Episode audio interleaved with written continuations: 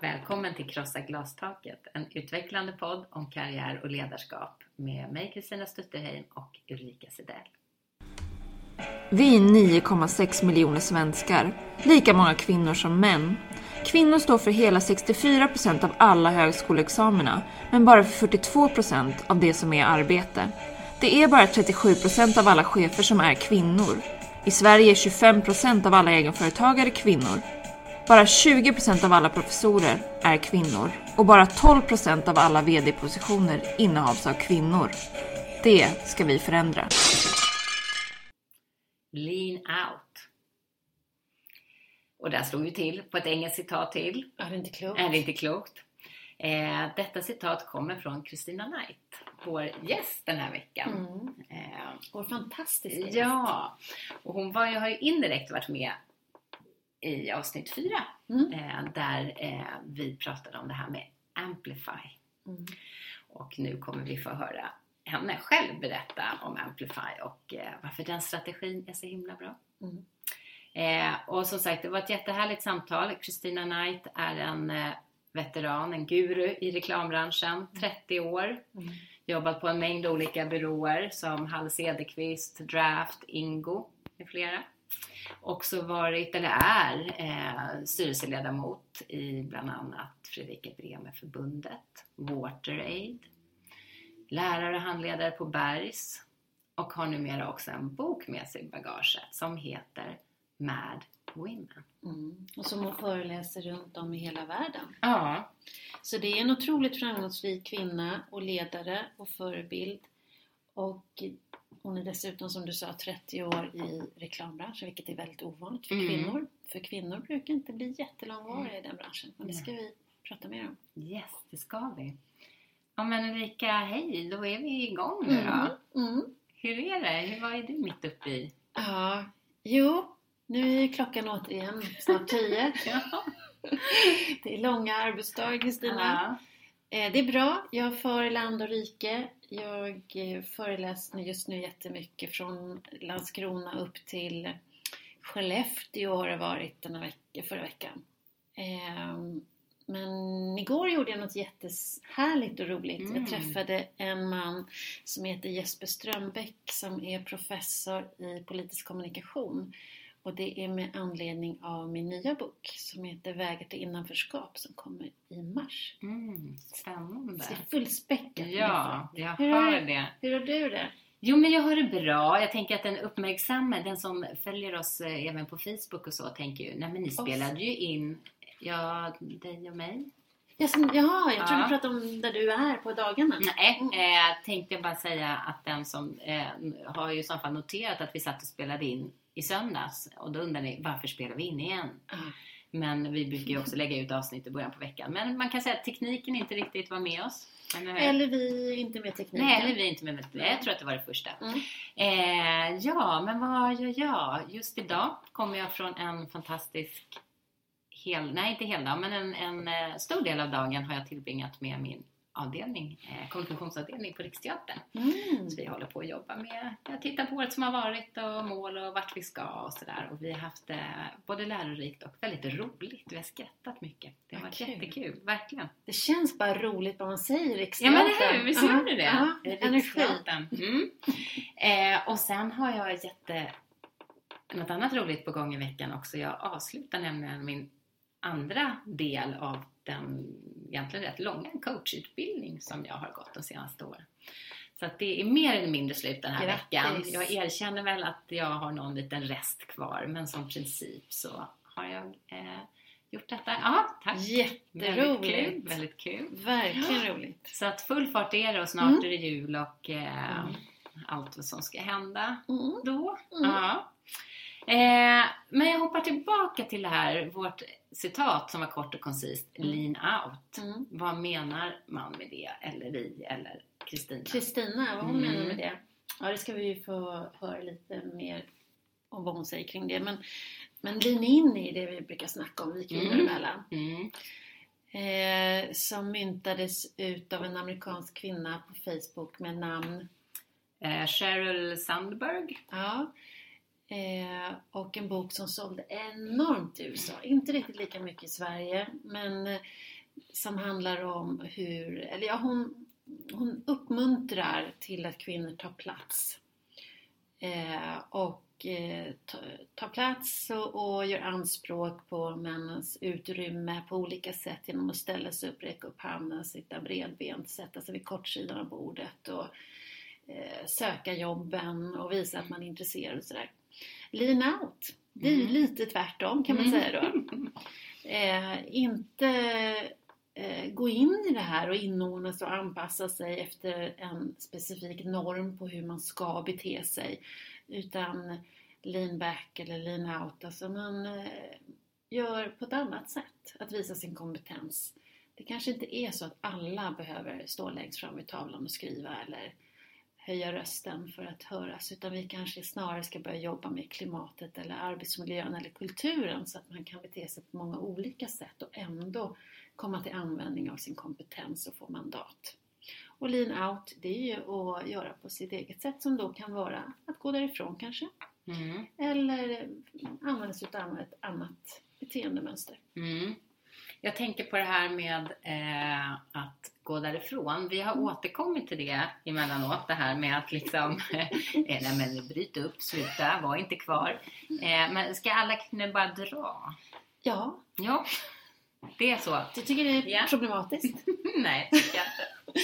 Jag tycker, jag tycker Kristina, det här med rösta med fötterna, det Ja. tycker jag är Mm. Ja, det är väl så vi börjar göra när vi ska äta Mm. ekologiskt, mindre kött. Det är en, eh, det är en maktfaktor hos Mm. konsumenten och pratar vi inte nu maktfaktor hos den anställda kvinnan? Det gör vi. Det gör vi. Ja, så att eh, nej, funkar det inte så väl där det funkar, Yes. tycker jag man kan säga. Mm. Bra. Så lean out Mm, emellanåt. mm. Lite då och då. Lite då och då. Eller back. Bra. Vad handlar avsnittet om i övrigt då Ulrika? Ehm, ja, men vi tittar väl lite på glastaket. Mm. Eh, vad är det för någonting då, det här osynliga karriärshindret, hur blir det synligt? Så att vi alla, tjejer som killar, ledare som eh, arbetstagare, eh, håller ögonen öppna för Mm. att förhindra, eh, minimera eller reducera eh, de här karriärshindren. Mm. Vi spanar lite, vi har en lyssnarfråga Mm. och vi avslutar med ett karriärstips. Ja. Och precis, glastak är ju utgångspunkten för den här podden kan man ju säga. Om Mm. det nu har eh, missats av någon. Eh, och det kan ju vara bra, du gjorde ju det egentligen lite, att liksom upprepa bara vad det handlar om. Som du sa, de osynliga hindren som stoppar kvinnor på vägen upp i hierarkierna. Kan Eh, stoppa någon, kan stoppa. några män också. Ja, precis. Mm. Eh, det kan du göra. Vad brukar hända då? då? När det stoppar män? Mm. Nej men jag, det är ju min alldeles privata uppfattning men jag tror ju att det här karriärshindret snarare stoppar ett beteende Mm. än vad det stoppar ett kön. Mm. Men vi har ett, vi har beroende på, det här är ju olika teorier men min uppfattning är att vi Eh, vi lär oss vårt könsmönster. Vi blir projicerade och förväntas utav oss att bete oss beroende på om vi är män eller kvinnor. Och därmed så får vi alltså olika förutsättningar och för olika spelplaner. Eh, men jag tror att det här könsmönstret som vi pratar om, vissa beteendemönster och som vi blir dömda utifrån och betraktade utifrån. Om då en, eh, ett visst beteende eh, ser ut att stoppas än mer än ett annat beteende. Så att män som har då det beteendet som stoppas blir också stoppade. Eh, tror jag. Mm. Ehm, och det har vi pratat om lite förut, vad det är Mm. för olika beteenden. Mm. Det här manlika beteendet som handlar om att vara stor, stark, tydlig, snabb, hastighet. Det kvinnolika beteende som snarare är och helhet. Eh, prata känslor också, hur vi mår, hur vi har det, kultur. Eh, se långsiktigt, involvera. Mm. Mm. Men det verkar ju som att fallhöjden för män Mm. eh, är lite kortare blir väl uttrycket än vad det är för kvinnor om man får gå. Vad anledningen nu kan vara. Vad, vad Ja, beror det på? det är jättetråkigt. Mm, det är jättetråkigt. Det är tråkigt att det är så. Eh, och det finns ju studier som visar på att tjejer har längre väg tillbaka när de får gå än vad killar har. Mm. Och vad skulle vi gissa att det beror på? det finns ju betydligt större, eh, alltså det finns ju många fler män där på höjden som Mm. kan plocka upp kvinnor, eller plocka upp killarna. och det finns inte lika många kvinnor att plocka upp tjejerna. För det syns ju, ser vi också i studiet. Män rekryterar män, Mm, men kvinnor kan också tendera att rekrytera kvinnor. just det. Så det finns flera utav dem som fångar upp varandra. Ja, här kommer vi in på nätverk och Mm. eh, klubbar man Mm. har och tillhör och så. Ja, bra. Och, eller det är det ju inte, men eh, moving on kan man väl säga då. Nej, det är dåligt. Det är verkligen dåligt. Eh, ja, men det här med, med glastak och de osynliga hindren som dock kan bli väldigt synligt när man väl slår i detta tak. Det påverkar ju också innan man ens egentligen har hunnit till en arbetsplats, som vi pratar Mm. rekryteringsprocessen, rekryteringsfasen. Mm. Eh, som du sa, män rekryterar fortfarande män. Bilden av en VD är fortfarande ofta en man. Mm. Det är de attributen. Eh, Fredrik Hillesson på Novare Executive Search eh, menar att även ibland när uppdraget är att rekrytera en kvinna så är fortfarande kravprofilen manlig, vad man nu lägger i det. Men just att liksom bilden ofta ändå av att det är en man, man ska ha varit VD länge, ja det kan ju bli svårt att som kvinna då komma in i och med att det är färre kvinnor som är VD. Så hur ska man komma till sin första VD-tjänst? Mm. Börje gick det bra för. Ja, Börje gick det bra Ja, för. som vi nämnde tidigare på Ericsson. Ja. Ja. Så att, Inte eh, lika lätt om man heter nej. Ulrika. det är ju inte det. Eh, och, men då säger också Fredrik, så hur seriös är man då egentligen? Så hur mycket fortfarande kan det vara lite spel för gallerierna? Jo, men vi vill absolut ha en kvinna, vi söker en kvinna. Men man är inte beredd att än- ändra i hur man rekryterar eller vad man rekryterar på. Mm. Eh, och det är också så att män söks upp mycket mer vid, vid tillsättningar. Eh, att man letar efter män. Man behöver alltså som man inte vara lika aktiv egentligen när, när nya fönster ska öppnas.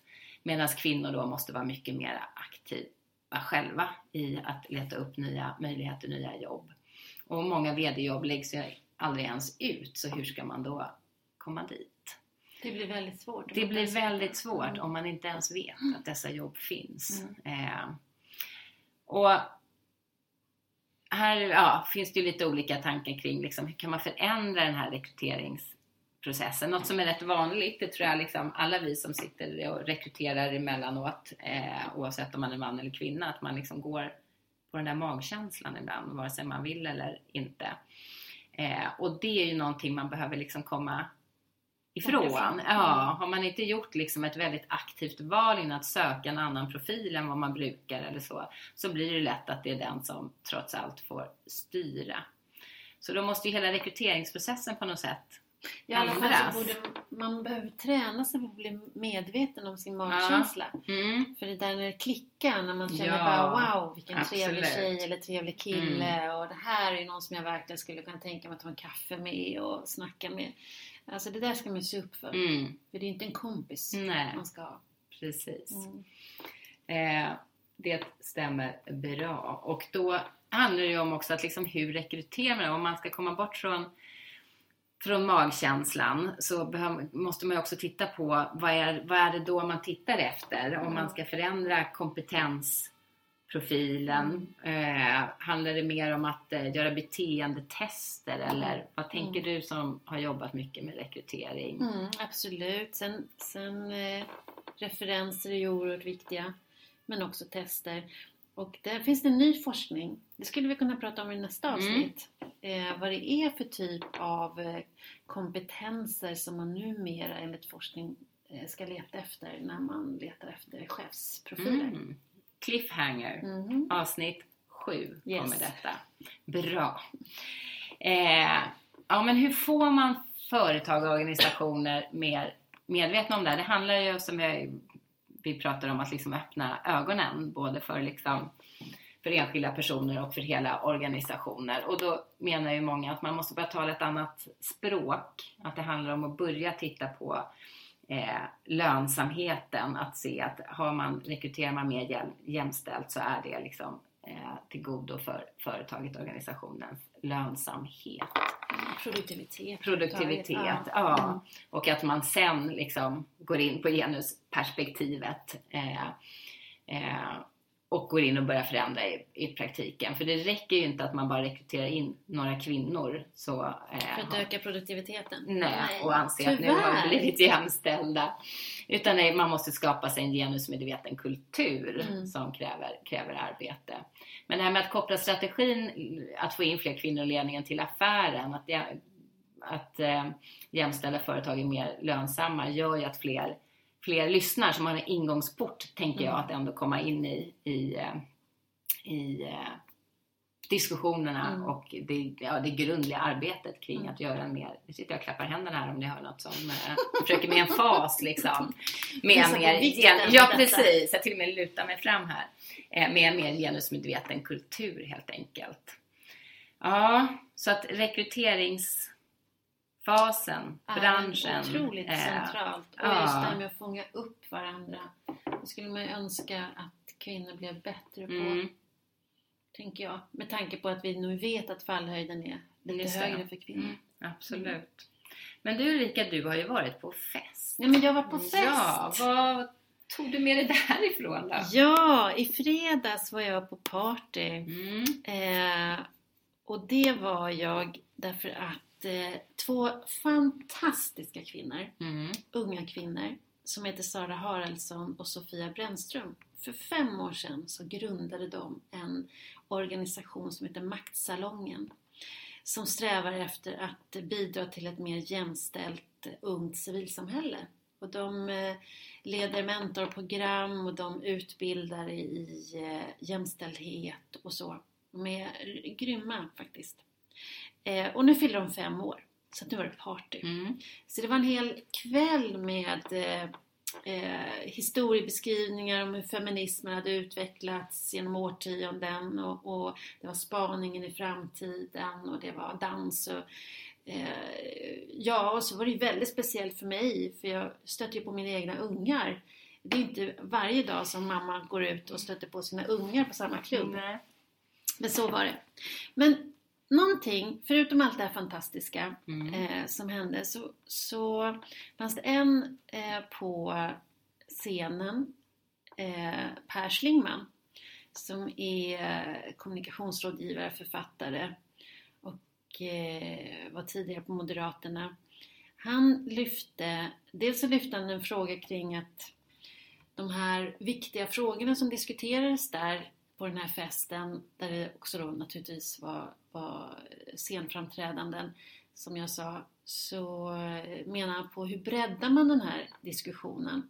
Hur får man killar att börja reflektera över det utrymme som är dem givet?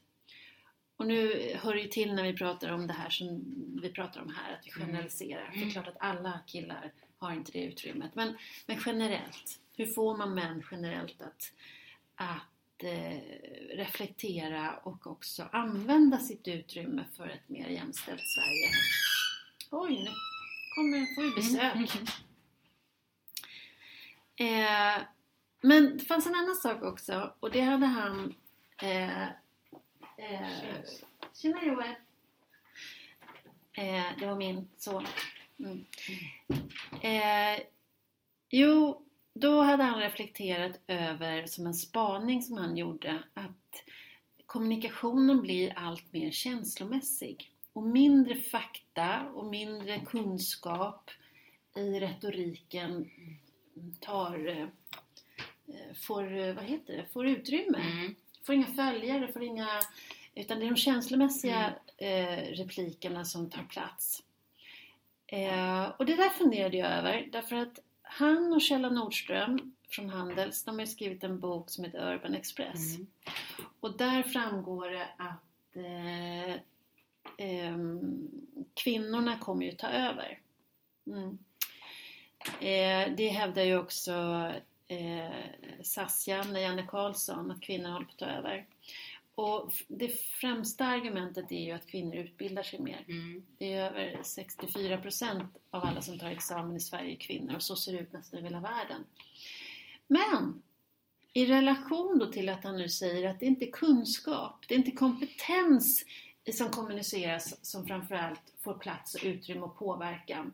Utan det är känslor. Och han hänvisar till Jimmie Åkesson, han hänvisar till Trump och mm. Att kunskapen blir mindre viktig. Och då faller ju argumentet Mm. lite grann för att kvinnorna tar över. Mm, verkligen. Och då, kan vi, då funderar jag lite på det här, för att det vi har kommunicerat tidigare och som vi har sett i studier är att kvinnor generellt, nu generaliserar vi Mm. igen, har ett mer eh, känslomässigt språk. Mm. Pratar känslor på ett annat sätt i arbetet Mm. eh, än vad män gör. Eh, men vi vet ju också att när kvinnor gör det för mycket så blir de hysteriska eller, det, eller anses då vara för mycket känslor. Det. Medan i det här fallet, Åkesson och Trump och så här, det är ju, då pratar man mer äkta. Mm. Att det är eh, eh, de här männen är, är trovärdiga och äkta i sin känsla och därmed också eh, mer värt att lyssna på. Uppenbarligen använder de det också. Just det. Mm. Det här tycker jag är rätt intressant. Mm, det är väldigt intressant. Och är man någon vi har pratat mycket om tidigare är ju Hillary jämfört då med Trump. Som ju eh, då ansågs för, för kall och eh, icke-emotionell. Eh, och då var ju inte det bra heller. Det var inte bra. Det var verkligen inte bra. Någonting annat som jag hittade, det var en studie som gjordes för nästan ett år sedan utav Stressforskningsinstitutet. Mm. Eh, där man frågade 6500 chefer om vad de själva hade bedömt var underlaget för deras löneförhöjning. Och då var det ju naturligtvis eh, befogenheterna, eh, resultatet och sådär. Men en sak som, all, som många hade tagit upp, det var deras sätt att hantera konflikter. Och det var uppenbart så att när män klev in och agerade i konflikterna eh, så belönades de högre. Medan kvinnor när de gjorde det, då missgynnades de i löneutvecklingen, de kvinnliga cheferna. Och då hade man i den här undersökningen så hade man då dragit slutsatsen om att det berodde på att de var för aggressiva. Och för mycket Mm. känslor. Ja, herregud. Det är inte bra. Det är inte bra. Nu håller jag på att bli så emotionellt upprörd. Nu, Eh, ja, det är inte bra Kristina. det är det, det ser inte bra, bra. ut på Riksteatern om du börjar... Nej, det är inte alls bra. Och jag läste i den här en magisteruppsats kring eh, glastak och så alldeles nyss och där eh, stod det just också eh, hade kommit fram i deras studier att det finns ju många som eh, ett skäl till varför man inte vill rekrytera kvinnor in i ledningsgrupper är just för att då det blir lite jobbigt för kvinnor blir så emotionella och oberäkliga. Ah, de är Ja, oberäkliga ja, också när det är Ja. känslor. Yes. Så Men att, ja. mm. Undrar hur Trump har varit i sin ledningsgrupp. Mm. Nej, men det är väl bäst att vi lugnar ner oss nu då helt enkelt. Eh, ja. Vi ska gå på intervju. Nej men det ska vi inte Ulrika. Vi ska ta en lyssnarfråga. Det är det Ja. du vill nu. Det är det jag tänker Nu klickar jag göra. lite mitt i mikrofonen Mm. här. Mm. Jag har valt en lyssnarfråga. Vi, vi ska tacka för våra lyssnarfrågor. Mm. Eh, karriär snabela glas, krossaglastaket.se Mm. eh, Jo, jag läser. Hej och tack för er podd eh, som jag har lärt mig tycka mycket om. Känner mig alltid mer kunnig och stärkt efter ett avsnitt. Men jag är fast. Fast i en fälla som jag inte vet hur jag ska komma ur. Såklart vet jag att jag inte är ensam om detta. Hör ständigt vänner tala om sin fälla. Men jag behöver hjälp. Jag har ett chefsjobb som jag trivs med men som kräver mer än heltid. Jag har två barn som ska hämtas och lämnas. Det är mina två rum som jag verkar i. Barn och arbete. Jo, vi är två stycken och försöker dela på det. Men vi ser att det är jag som är projektledaren och som driver arbetet för höstkläder, presentinköp, gympapåsar och kalendern för hemmet. Jag känner mig allt mer fast och förstår inte hur jag ska få mer tid för mig själv. Jag behöver få träna, träffa vänner och annat. Ibland drömmer jag om att bara åka iväg med en ryggsäck och starta upp i ett annat land med ett café till exempel. Det kommer aldrig att hända, för jag älskar min familj. Men det visar hur stark längtan efter frihet är. Hur kommer man ur en fälla som aldrig verkar ta slut? Mm. Inte helt ovanlig beskrivning. Scenario. Nej, jag tror att den också är, in, den är väldigt vanlig i Sverige. Eh, vi vet idag att kvinnor jobbar fortfarande sju veckor Mm. mer varje år i oavlönad omsorgstid. Omsorgstid. Ja. Att ta hand om hem och barn och gamla och, och sådär. Och det är rätt mycket, sju veckor. Ehm, Så att det, spelplanen ser annorlunda ut för kvinnor rent generellt och det är klart att det blir tufft. Eh, jag skulle säga så här, ett råd. Sätt dig ner och gör din livsplan. Vad är det för liv du vill leva? Hur ska det se ut? Vad vill du fylla med? Om du bara fick tänka fritt Mm. och fantisera. Hur skulle det se ut? Hur skulle fördelningen se ut? Sen involvera din partner i din livsplan. Diskutera tillsammans. Hur ser er gemensamma livsplan ut för ert gemensamma liv? Och titta på vad ni behöver hjälpas åt med för att få så mycket rättvisa som möjligt i livsplanerna. Och sen en, lägg en plan för ett och ett halvt år framåt. Hur, hur ska du nå dit bättre? Till en jämnare fördelning hemma kanske? Eh, skulle också fundera på, är det rätt att ha det här jobbet just nu? Är det dags att lina outa? Mm. Eller att titta på någonting annat inom ramen för verksamheten. Det kanske är ett stort bolag. Ehm, Men en, titta på eh, fler möjligheter. Eh, Och då vill jag påminna om, det är så lätt att tro att hoppar man av från ett chefsjobb, att det är kört, att man inte kommer tillbaka. Men det är en myt. Utan eh, det går många karriärståg under ett liv. Mm. Så eh, gå inte på den myten. Utan fundera fritt och agera utifrån det. Klokt. Det låter jättebra. Och som vanligt är vi jättenyfikna. Man får jättegärna höra av dig längre fram och berätta lite hur det, hur det gick, vad du Mm. gjorde. Nu Ulrika Mm. är det dags för intervjun med Kristina Knight.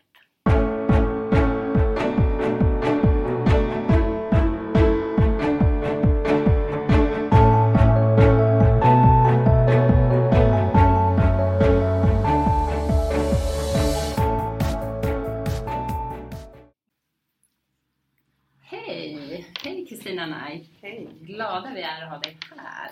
tack snälla. Du har ju indirekt varit med eh, ett par avsnitt eh, tidigare när vi pratade om amplification, Ja. förstärkning. Så vi tycker det ska bli jättekul att få dyka ner lite mer i det snart.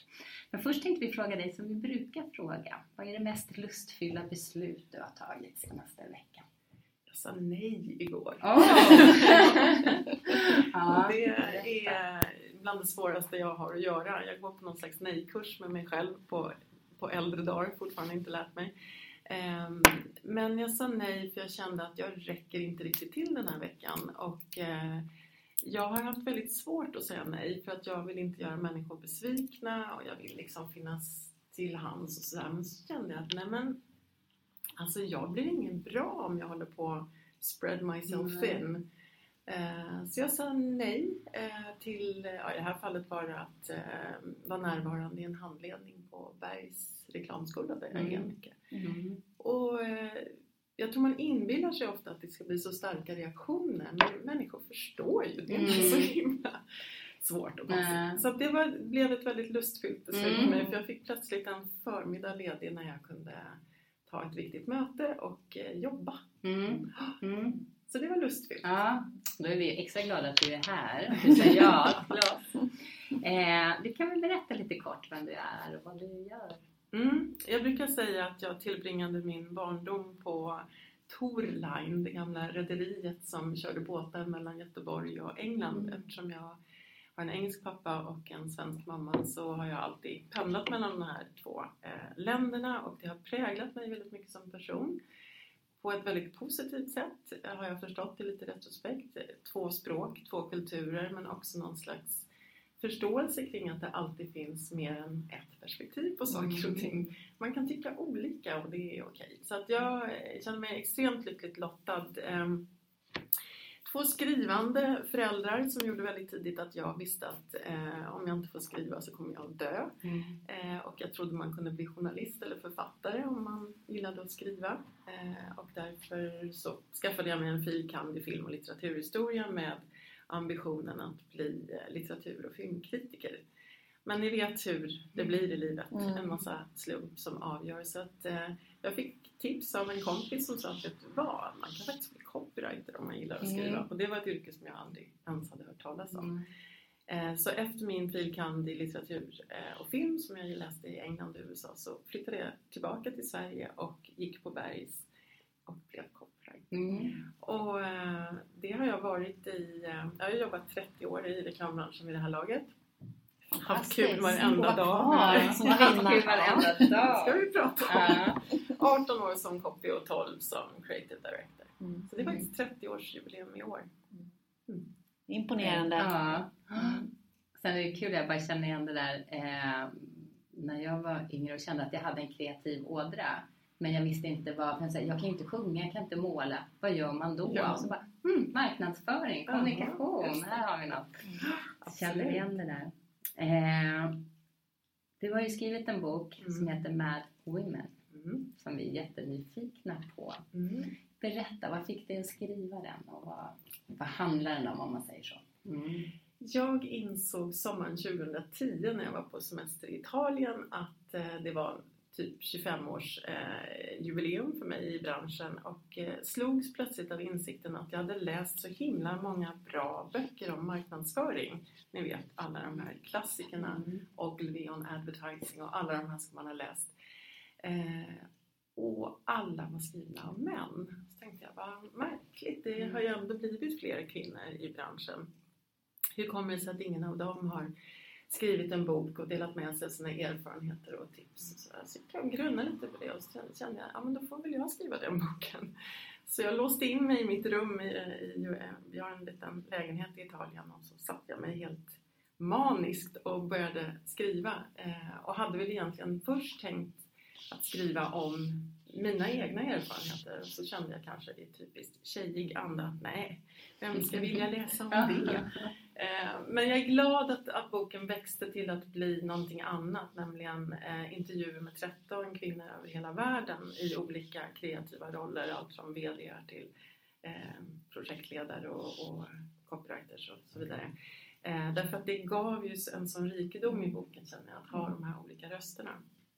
Eh, och eh, ja, insikten eller kontentan av det här är att trots att jag intervjuade kvinnor i väldigt skilda kulturer, Sydkorea och USA och England och Sverige, så var historierna väldigt, väldigt lika.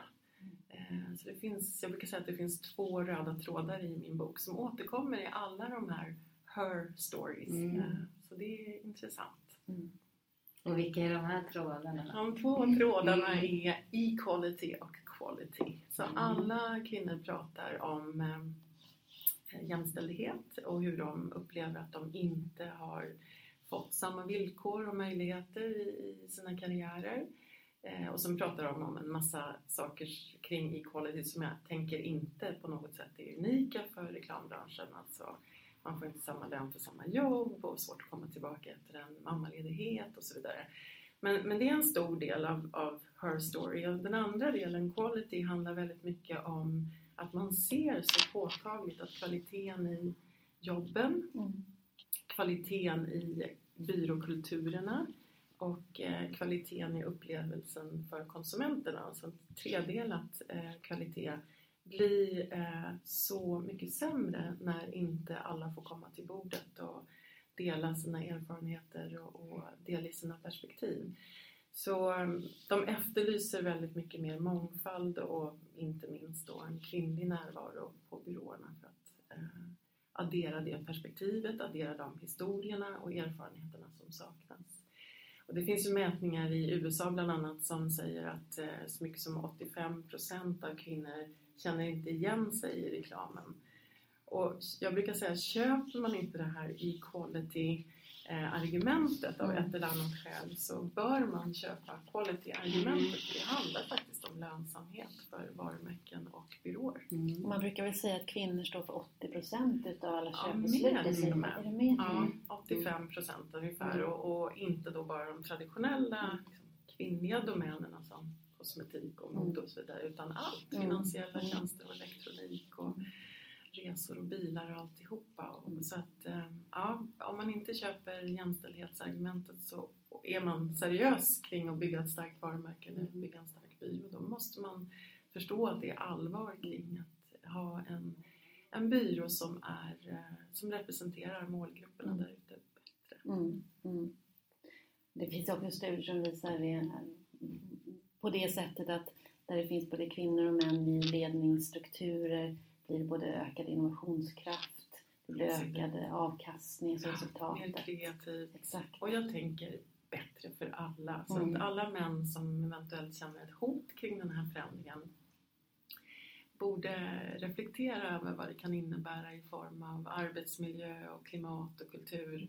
Eh, Jag tror att alla blandade miljöer blir bättre för Mm. alla. Så att en, en, en arbetsplats dominerad av bara kvinnor tror jag Mm. kan vara lika dålig som en arbetsplats dominerad av män. Man behöver de här olika eh, Mm.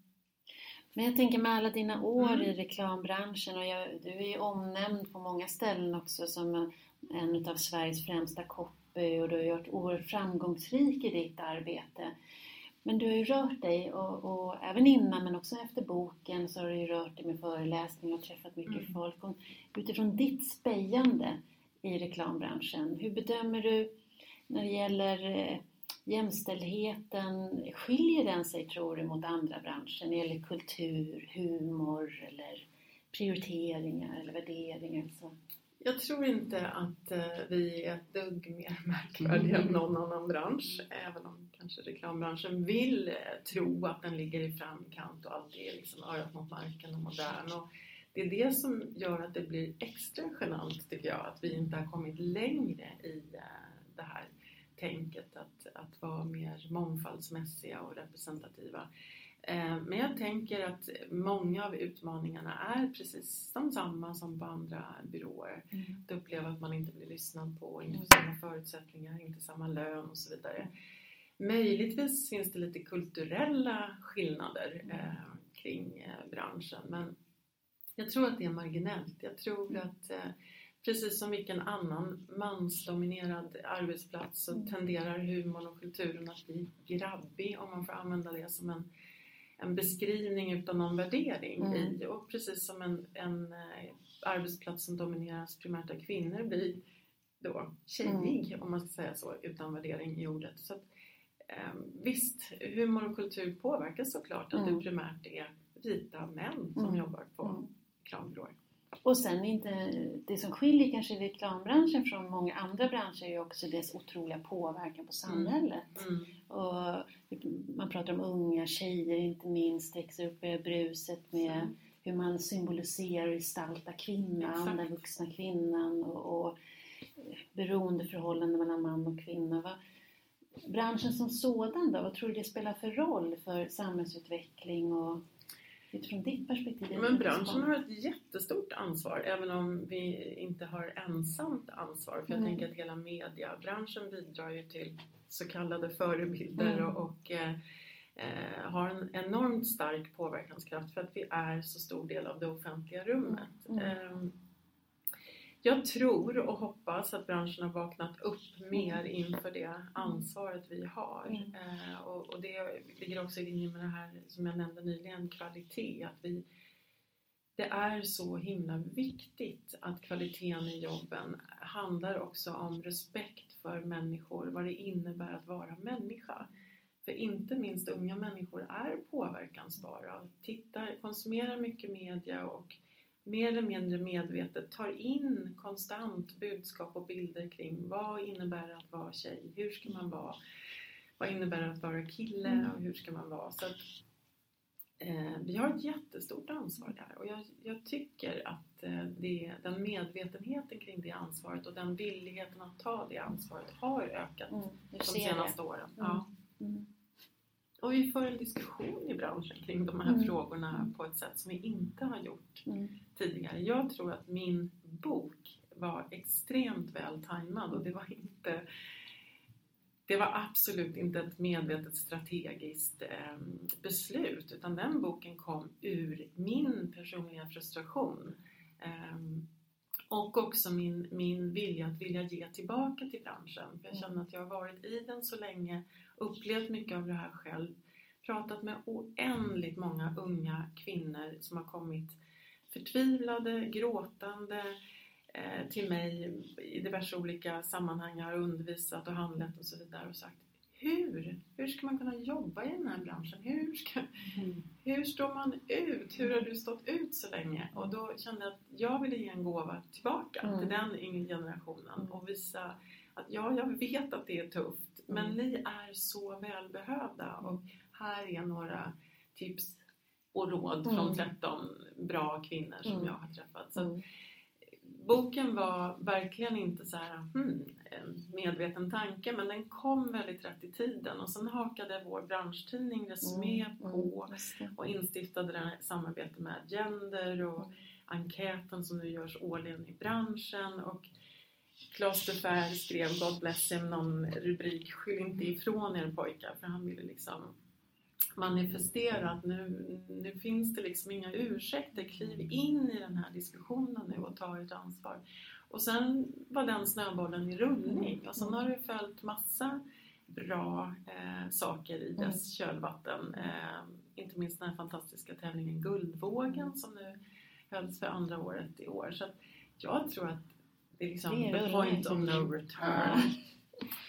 Men har du bara rullat på eller har du upplevt dig att folk har tyckt att det också varit jobbigt och att du har gjort det lite obekväm eller? Nej, Mm. jag reflekterade över det här under tiden jag skrev boken. För det, den, jag skrev den ungefär samtidigt som jag tror, om det var Uppdrag granskning eller en Agenda eller något program där flera kvinnliga skribenter och journalister och medieprofiler klev fram och berättade om hur de har blivit hotade och smutskastade. Och då reflekterade jag och tänkte, ja nu sticker jag ut hakan i min egen bransch, i en bransch som gärna ser sig själv som rätt cool. Och jag kliver nu fram, sticker ut hakan och är rätt kritisk. Mm.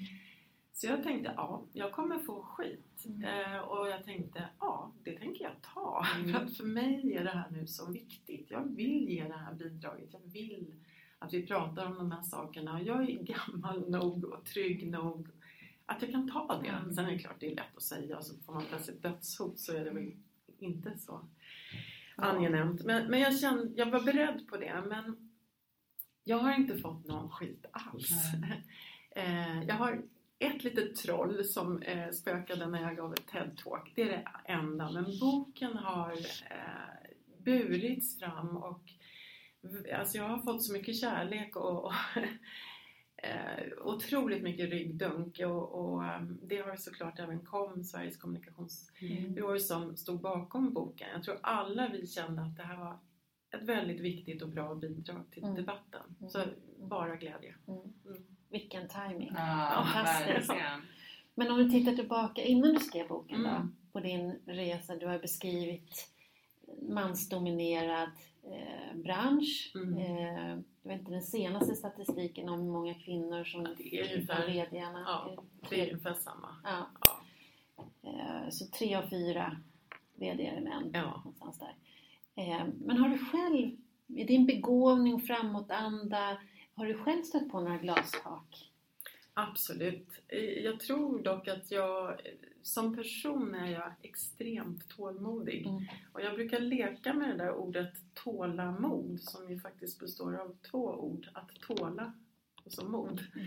Och eh, liksom, under väldigt lång tid så, så hade jag tålamod. Alltså jag, jag upplevde väldigt många situationer kring allt från att bli tagen för att jag var den som serverade kaffet fast jag var den som hade skrivit alla texter i en kampanj som skulle presenteras.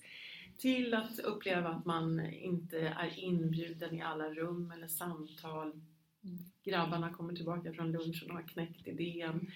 Ni vet alla de där mer eller mindre subtila upplevelserna av att nej men, jag är inte riktigt lyssnad på eller inkluderad eller är liksom inte en av dem. För Mm. att jag är, och jag var ju väldigt mycket katt bland hermeliner eftersom jag var den första kvinnliga kreatören på Hall och Cederqvist där jag började på 80-talet. Jättefin byrå med massa fantastiska, något äldre män som ändå var superhärliga på att ta emot mig och ge mig ansvar och så. Men, men det är klart att jag kände mig udda. Mm. Jag var ju den där runda klossen som skulle ner i det fyrkantiga Mm. hålet och det skavde liksom. Mm.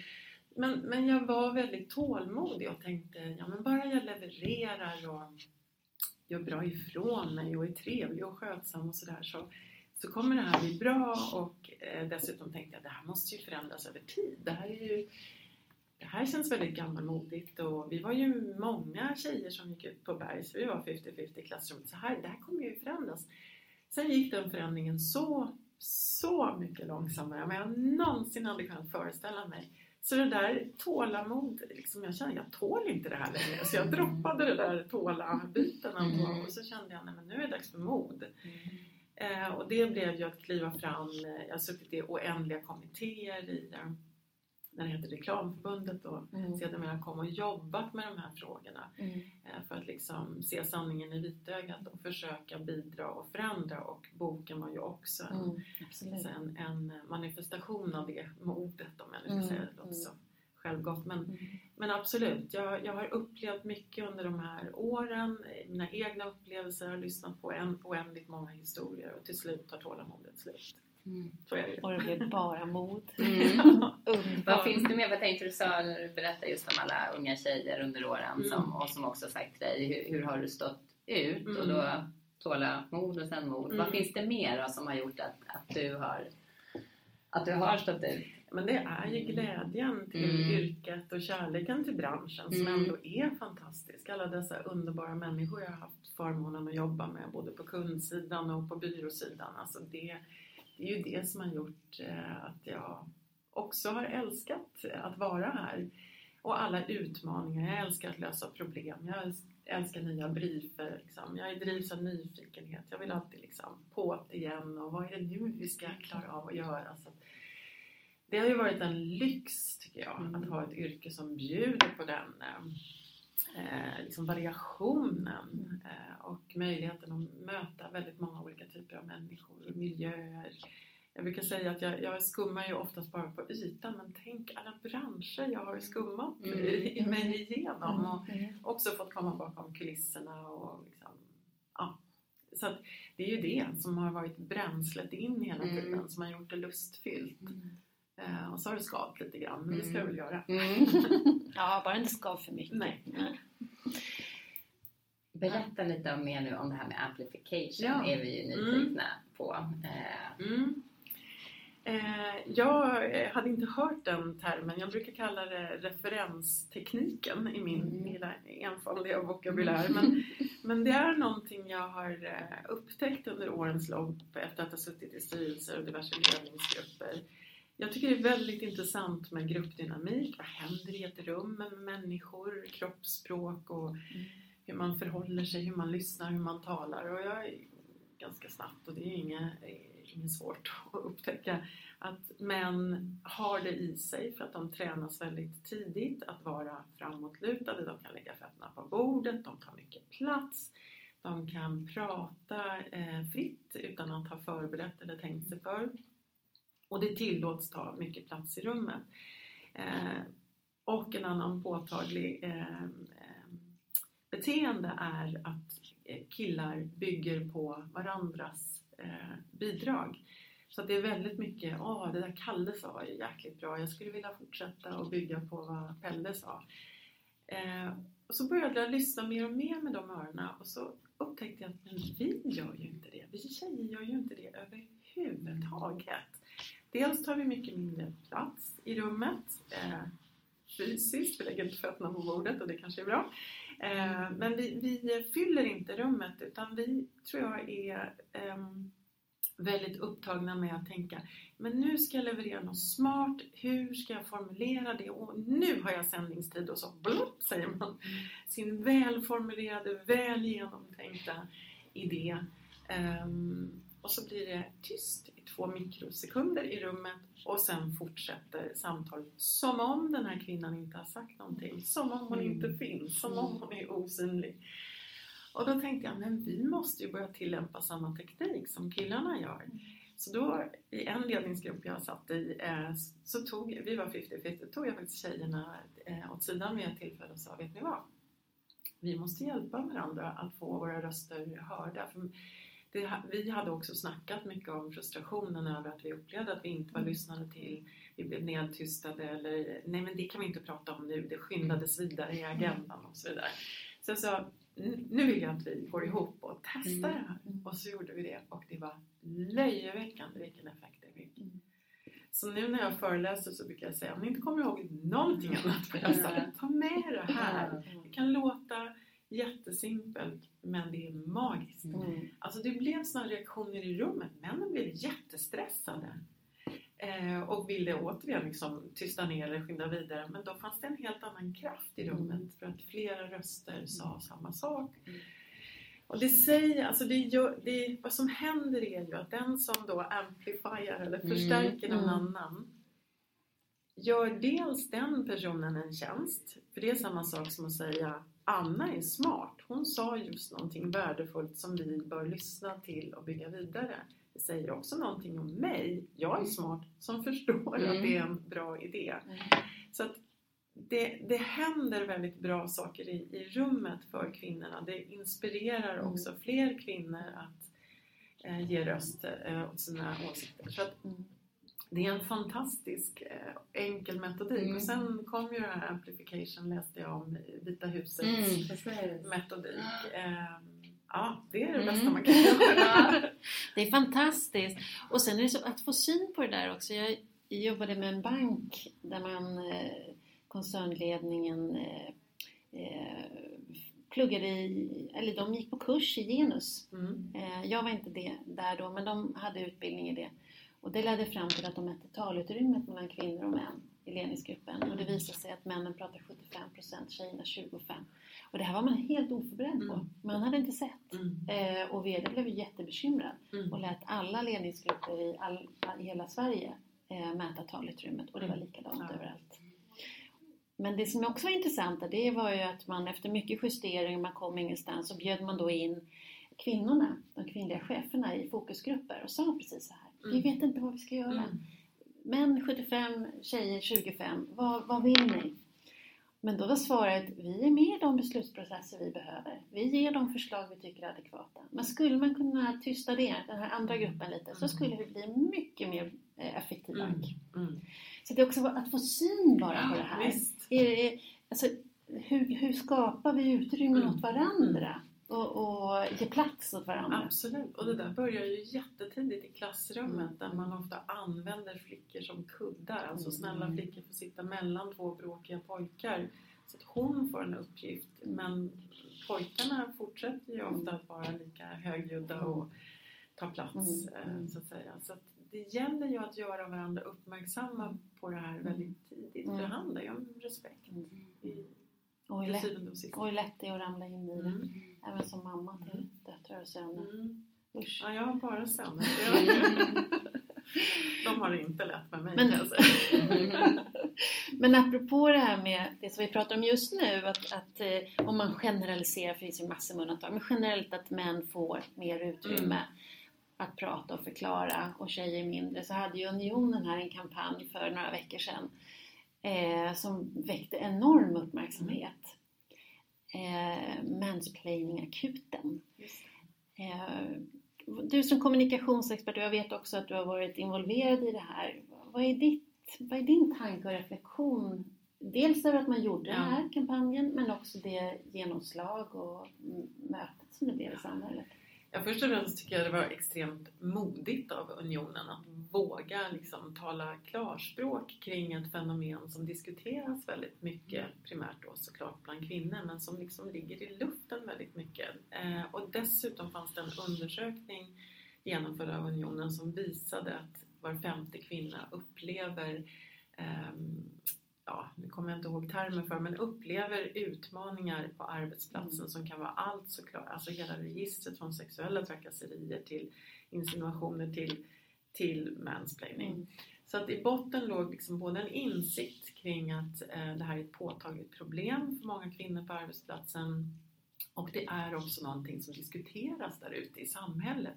Och det där kan vi liksom plugga in i och, och vara del av debatten. Det tycker jag var eh, snabbfotat och modigt. Mm. Och klart riskfyllt. Eh, Men man var beredd att ta den risken tror jag, sticka ut hakan. Man ville ha debatt.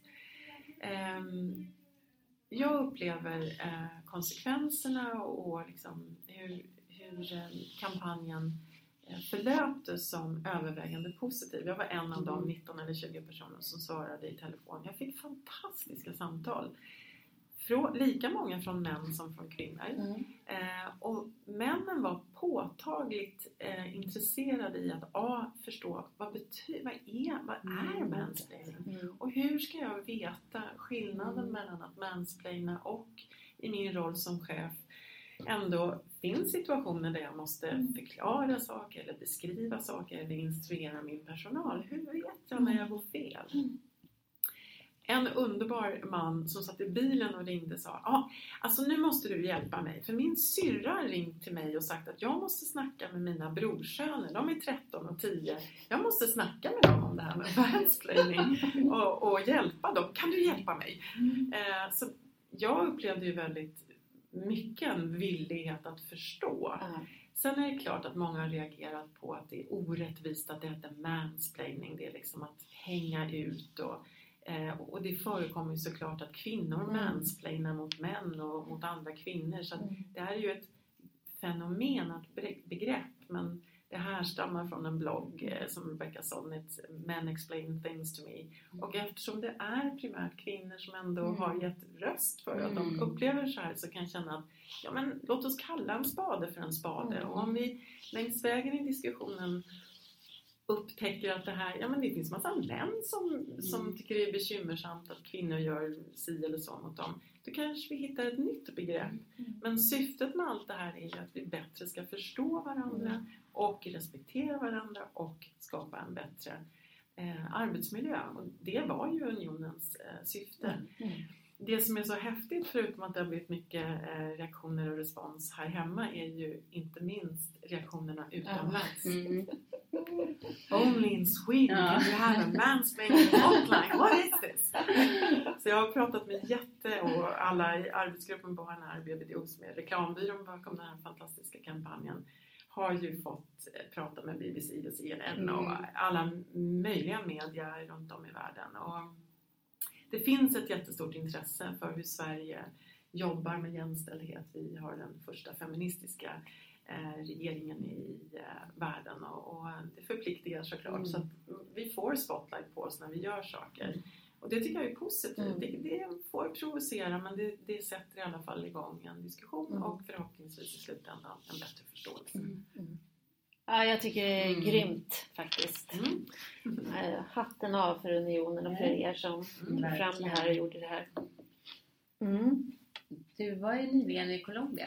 Ja, Berätta om det och varför du var där. Och det, I det finns väl liksom, vad är det du gör lite mer specifikt idag? Du Ja. verkar fortfarande i reklambranschen men inte så som du Nej, men jag brukar eh, säga att eh, nu har jag eh, spenderat 30 år med att skapa reklam och nu vill jag spendera 30 år med att försöka påverka normer och strukturer i reklambranschen för att förhoppningsvis kunna inspirera till en förändring. Och så brukar jag säga att eh, ibland läser man en bok som förändrar ens liv. Jag skrev en bok som förändrade mitt liv.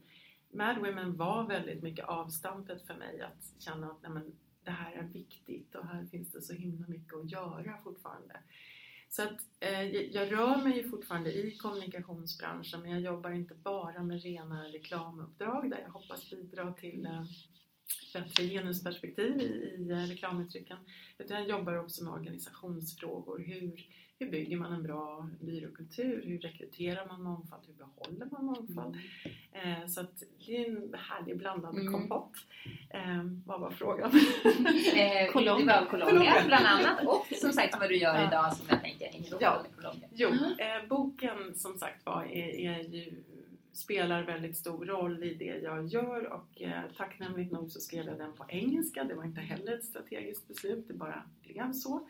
Eh, men det har ju gjort att boken har fått spridning eh, runt om i världen också och jag har föreläst på alla möjliga upptänkliga ställen och nu senast var det då i Bogotá i Colombia inbjuden av Svenska institutet som eh, har skapat en jättefin utställning som nu har ungefär tre år på nacken kring eh, svensk reklam.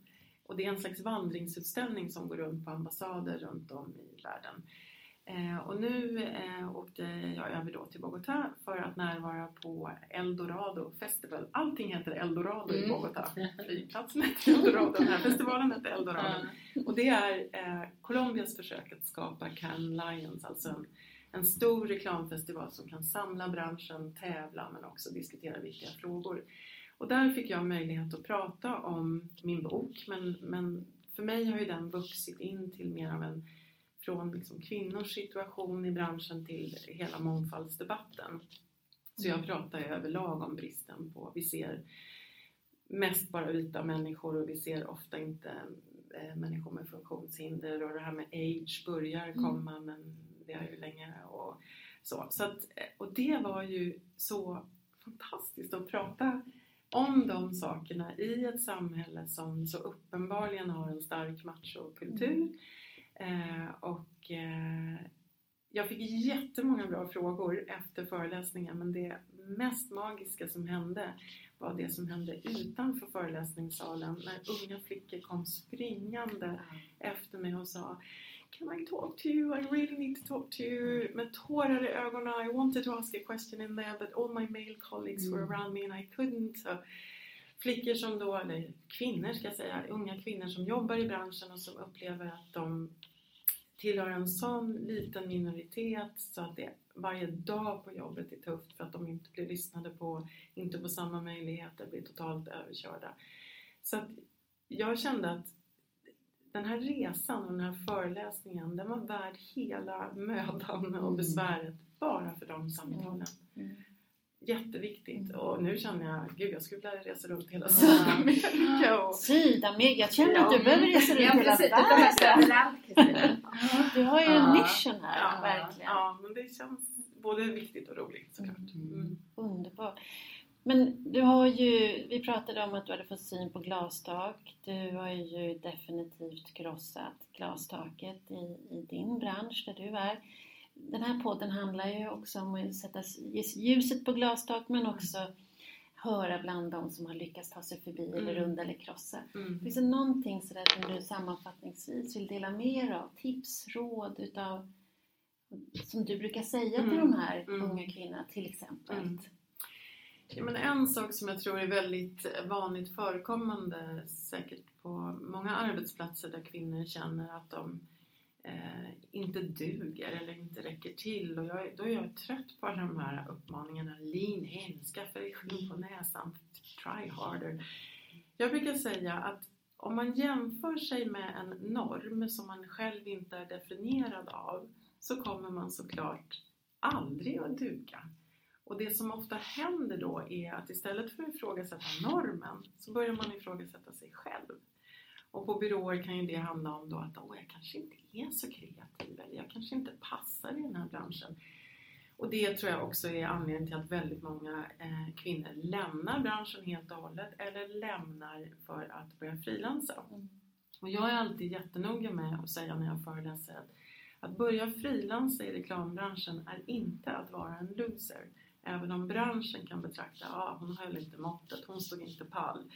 Hon vill ha någon liten mysig tjejkollektiv där hon kan sitta och ha det trevligt på jobbet. Jag brukar säga att den viktigaste personen för en VD att prata med är den kvinna som just står i begrepp med att lämna arbetsplatsen. Prata med henne, hon har jättemycket viktiga saker att berätta för dig som VD. Så att jag brukar säga ofta att försök, hur svårt det än är, att inte bara eh, ifrågasätta dig själv och leta efter bristerna i dig själv. Utan titta kritiskt på den här strukturen och normerna och förstå att det är de som gör att du känner dig obekväm och oduglig fast du inte är det. Mm. Och försök att utmana de normerna och strukturerna vilket kan vara jättetufft att göra själv men då behöver man gå ihop Mm. och hjälpas åt. Eh, och, eh, sen har ju jag alltid känt att, om, om jag ska prata om framgång, men, men min uthållighet kanske jag ska snarare prata om, Eh, är väldigt hjälpt av mitt tålamod och en stor dos av brittisk diplomati som jag har fått av min pappa som är engelsman. Eh, alltså att jag eh, jag har alltid suttit lugnt i båten liksom. och jag blir väldigt sällan arg och jag känner att det har tjänat mitt syfte. Att jag har varit tålmodig, diplomatisk, ihärdig. Jag tror boken också blev väl mottagen för att jag, jag är ganska hövlig i, i mitt sätt att vara. Och, och boken för mig handlade inte om att skapa någon slags eh, bitter klagosång eller mm. hänga ut männen. Eller, alltså det är inte mitt tonläge. Mm. Eh, och det har funkat för mig och, och, jag tror att det också har gjort att jag har navigerat mig fram eh, under årens lopp. Det funkar för mig, det kanske inte funkar för alla Mm. men, men. Men det, om jag förstår det rätt, framförallt att se skillnad på vad är kultur och struktur och vad är jag. Exakt. Att inte, om det är dysfunktionellt, inte att överföra det dysfunktionella på mig själv. Nej, och att för att klara det så behöver man ha flera. Ja, Att söka Absolut. samförstånd med andra som ser samma sak. Och Exakt. hitta styrkan i det. exakt. Jag, jag tycker att det var jättebra att Sheryl Sandberg skrev Lean In för att det var också viktigt att det kom en kvinnlig röst ur det, det sammanhanget. Men jag tycker att In är ju fasiken det vi har gjort hela, hela tiden. Vi har åh, tvingat och böjt oss in så mycket så att min uppmaning är snarare lean back eller lean out. Out. För att du kanske ska lägga mer energi på att skapa nya förutsättningar, nya normer och nya strukturer som kan vara jättebehjälpliga både för kvinnor och män tror jag. Alltså jag tror att framtidens kommunikationsbransch, framtidens näringsliv kommer och måste se helt annorlunda ut för att vara framgångsrikt, lönsamt och eh, närande att verka i. Mm. Så att luta sig ut är Mm. inte fel. Nej, och när du säger det, det är inte en slump. Jag har ju träffat ganska många interimsverksamheter den senaste halvåret som vill titta på den här frågan som vi pratar om just nu. Det kan, jag tror inte att det är en slump att det är så många kvinnor som tar anställning på höga ledande befattningar men på interimsuppdrag istället. De Mm. kliver in och Mm. gör och sen kliver de tillbaka för att inte, inte behöva inordna sig i en kultur och struktur. Mm. Precis. Precis, vi Mm. avslutar så. Lean Mm. out and amplify. Mm. Eller hur? Bra kombo. Verkligen. Stort tack Kristina, det har varit Ja, jättehärligt. tack. Tack så jättemycket. Tack så hemskt mycket. Tack för att ni gör. Mm, Kristina, visst var det mm, givande? Det var väldigt givande. Mm. Och så, jag, jag tycker det är så intressant att höra hennes beskrivning utav reklamvärlden och vad hon har sett och, och det otroligt viktiga uppdraget som hon har tagit på sig. Verkligen. Man har gjort rykte som en att det är en ny bok på väg. Mm. Så vi bara... Väntar Vi är med dig, det. Precis, verkligen. Det är vi. Eh, snart dags att runda av, men innan Mm. vi gör det så eh, tänkte vi komma med lite karriärstips. Mm. Utefter, eller utifrån vad vi har pratat om idag. Det Mm. här med att göra sig mer synlig. Mer synlig Mm. ifall man vill göra en lean out. Mm. Eh, att vara synlig är, är ju avgörande. Vi vet ju att kvinnor syns mindre i nätverk. Mm. I de manliga nätverken kanske vi ska säga. Mm. Eh, vi behöver, kvinnor generellt sett behöver öka sin träffyta. Mm. Eh, så att göra sig synlig i nätverk, boka luncher på LinkedIn som vi har talat om tidigare. Eh, sök upp eh, områden som du inte är i annars. Men sen vill jag slå ett slag Mm. för interimsbranschen Mm. som ökar med en enorm hastighet just nu. Mm. Eh, jag har pratat med flera sådana byråer med anledning utav eh, Bortom glastaket den senaste tiden och det visar sig att det är rätt mycket kvinnor som söker sig till de här interimsuppdragen. Det vill säga eh, chefsjobb på begränsad tid. Man kliver in, levererar under några månader till ett år och sen så tar man någonting annat.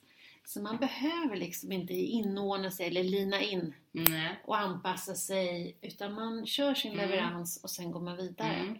Och det verkar passa kvinnor Mm. väldigt väl. Alltså högkvalificerade kvinnor. Så Så här det kan man säga att något typ av liksom, nytt fönster som öppnar sig.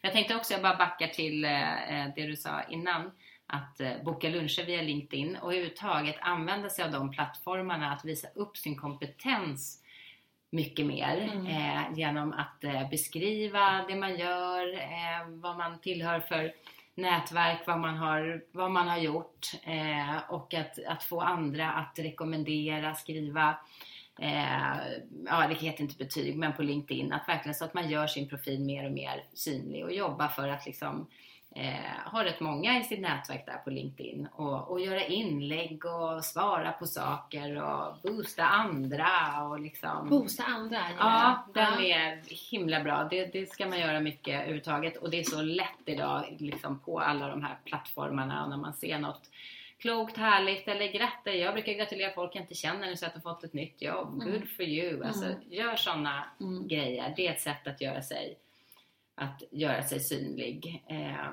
jag tänker på någonting annat också som eh, det är att man, man, kan visa sin kompetens på olika sätt. Man kan också dra igång, man behöver inte bara söka efter andras nätverk, man kan starta egna.